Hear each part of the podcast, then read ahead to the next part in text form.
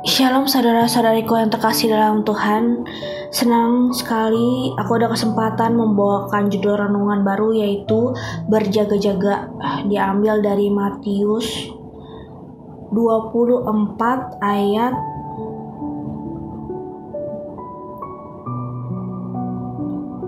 empat puluh dua karena itu berjaga-jagalah sebab kamu tidak tahu pada hari mana Tuhanmu datang.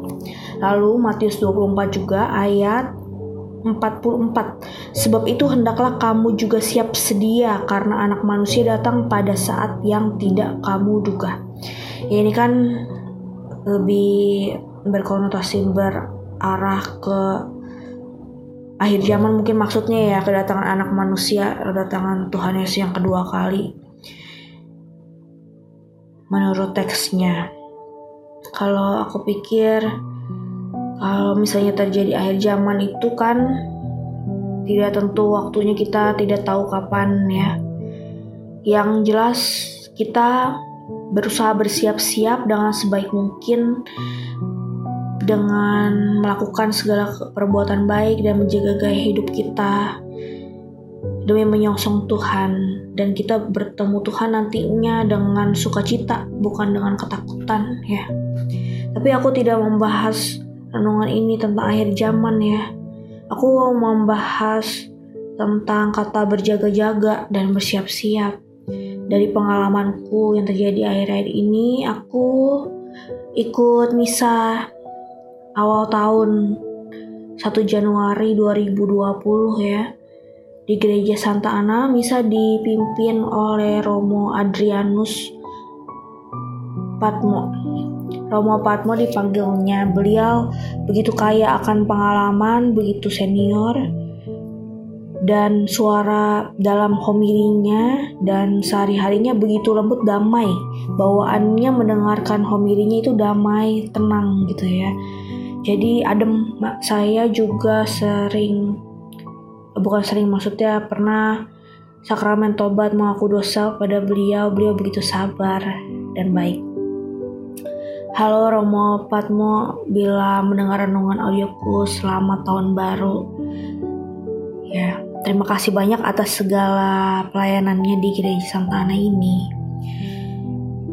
Aku mengingat homili Romo Patmo. Romo Patmo membawakan homili dengan begitu baik dan sungguh berkesan juga buatku mengenai Yesus itu Tuhan tentang Yesus itu bukan manusia seperti ada ajaran yang terjadi sebelum masa-masa yang lampau dulu gitu ya.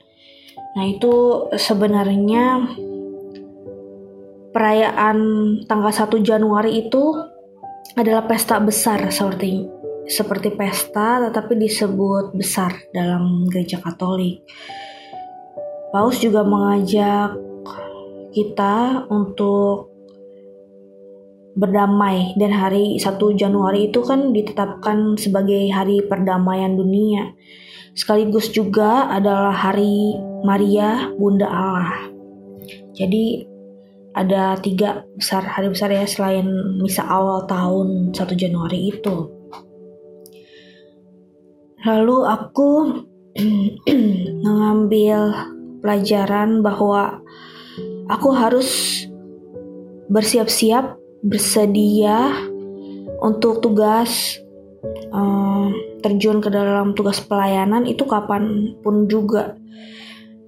Mengingat kemarin itu kurnya tidak ada. Jadi begitu aku hadir apa, jadi kur yang terbentuk itu dari grup suster-suster ya kumpulan suster-suster dan umat Bapak Ibu yang hadir di sana dalam misa secara dadakan. Nah, belum lama itu maksudnya kemarinnya aku tuh makan rambutan ya, tahu rambutan tuh manis dan agak gimana gitu ya. Jadi mempengaruhi suaraku juga. Aku juga makan mie seperti mie kering remes gitu yang dijual di supermarket. Itu aku habis berapa bungkus aku juga lupa. Karena ya malam tahun baru gitu ya aku di rumah cuma cemil sama keluarga juga ya. Nah itu aku jadi mikir wah aku nggak pernah kepikiran kalau kurnya bakalan nggak ada. Aku sih tidak menyalahkan juga ya. Tapi aku kaget ketika nyanyi juga agak sulit gitu jadi kontrol nadanya. Tapi di beberapa lagu ya overall lumayan bisa bisa nyanyinya sih ya. Lalu aku pun mikir tentang berjaga-jaga dan bersiap-siap. Kemarin eh bukan bukan kemarin ya. Tanggal 1 Januari pagi itu rumahku kebanjiran dan di ruang tamu itu di ubin dari bawah ubin itu muncul air air keluar dari sela-sela ubin itu. Aku juga bingung di ruang tamuku dan dapurku itu sampai semata kaki terus lebih sedikit gitu. Tapi kan terus-terus hujannya jadi makin naik airnya gitu. Dan aku uh, berusaha sekali nyerokin airnya itu dan dibuang ke saluran yang baik. Jadinya aku sebenarnya ya dibilang capek sih nggak cuman ya aku mikir gimana kalau misalnya hujan lagi apa gimana gitu ya. Dan tetanggaku ada juga beberapa yang kehujanan. Aku lihat di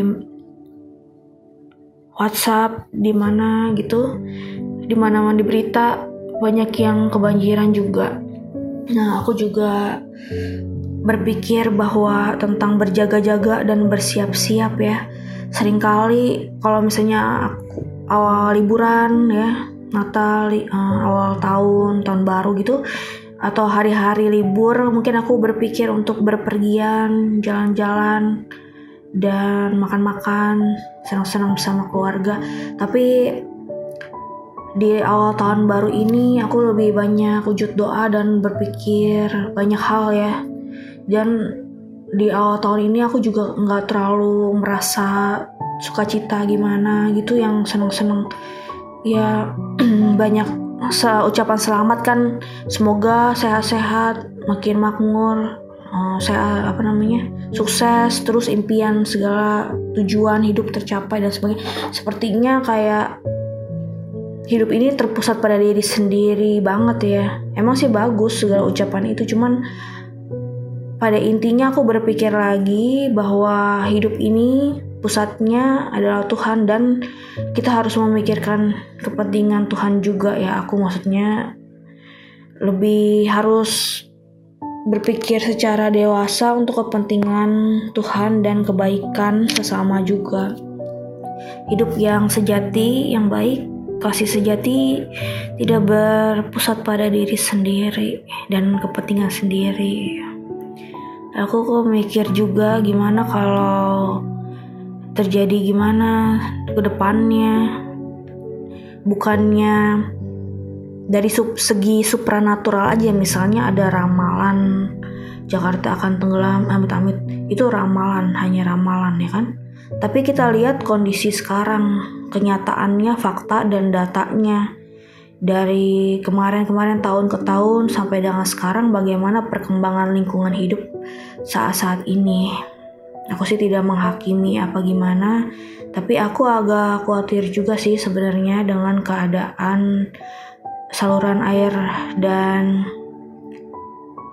regulasi tentang airnya ini sekarang bagaimana ya. Kalau hujan apa gimana beberapa hari berapa lama ya itu kalau misalnya banjir sampai sebanyak itu di mana-mana bagaimana dengan nasib kita ke depannya ya aku mikir-mikir lagi juga ya dan aku juga sebagai pendoa sering meditasi firman terus gali terus dalam keheningan doa gitu aku menemukan bahwa Tuhan itu begitu mengasihi kita ya Kuasa Tuhan itu begitu besar dan sanggup melakukan segala perkara. Tuhan dapat menolong kita. Tetapi jika kuasa Tuhan yang begitu besar itu tidak diikuti oleh daya aktif dan gerak dari orang-orang yang masih hidup dari kerjasama kita manusia ya bagaimana Tuhan bisa berkarya dengan lebih bebas lebih membawa pemulihan membawa perbaikan membawa persatuan membawa kemenangan bagaimana hal itu bisa terjadi kalau di dalam diri kita sendiri masih belum bisa berpikir untuk lebih maju lagi, untuk lebih bersatu dan bukannya meniadakan perbedaan tapi lebih menghargai sama gitu, lebih bisa bekerja sama dengan berbagai macam pihak tidak peduli apa pun juga latar belakang, agama dan sebagainya itu ya. Ya, jadi aku berpikir seperti itu dalam renunganku kali ini. Semoga masa depan kita selalu ke arah yang lebih baik dan kita tidak kenapa-napa tetap bisa melangsungkan kehidupan kita ini. Amin.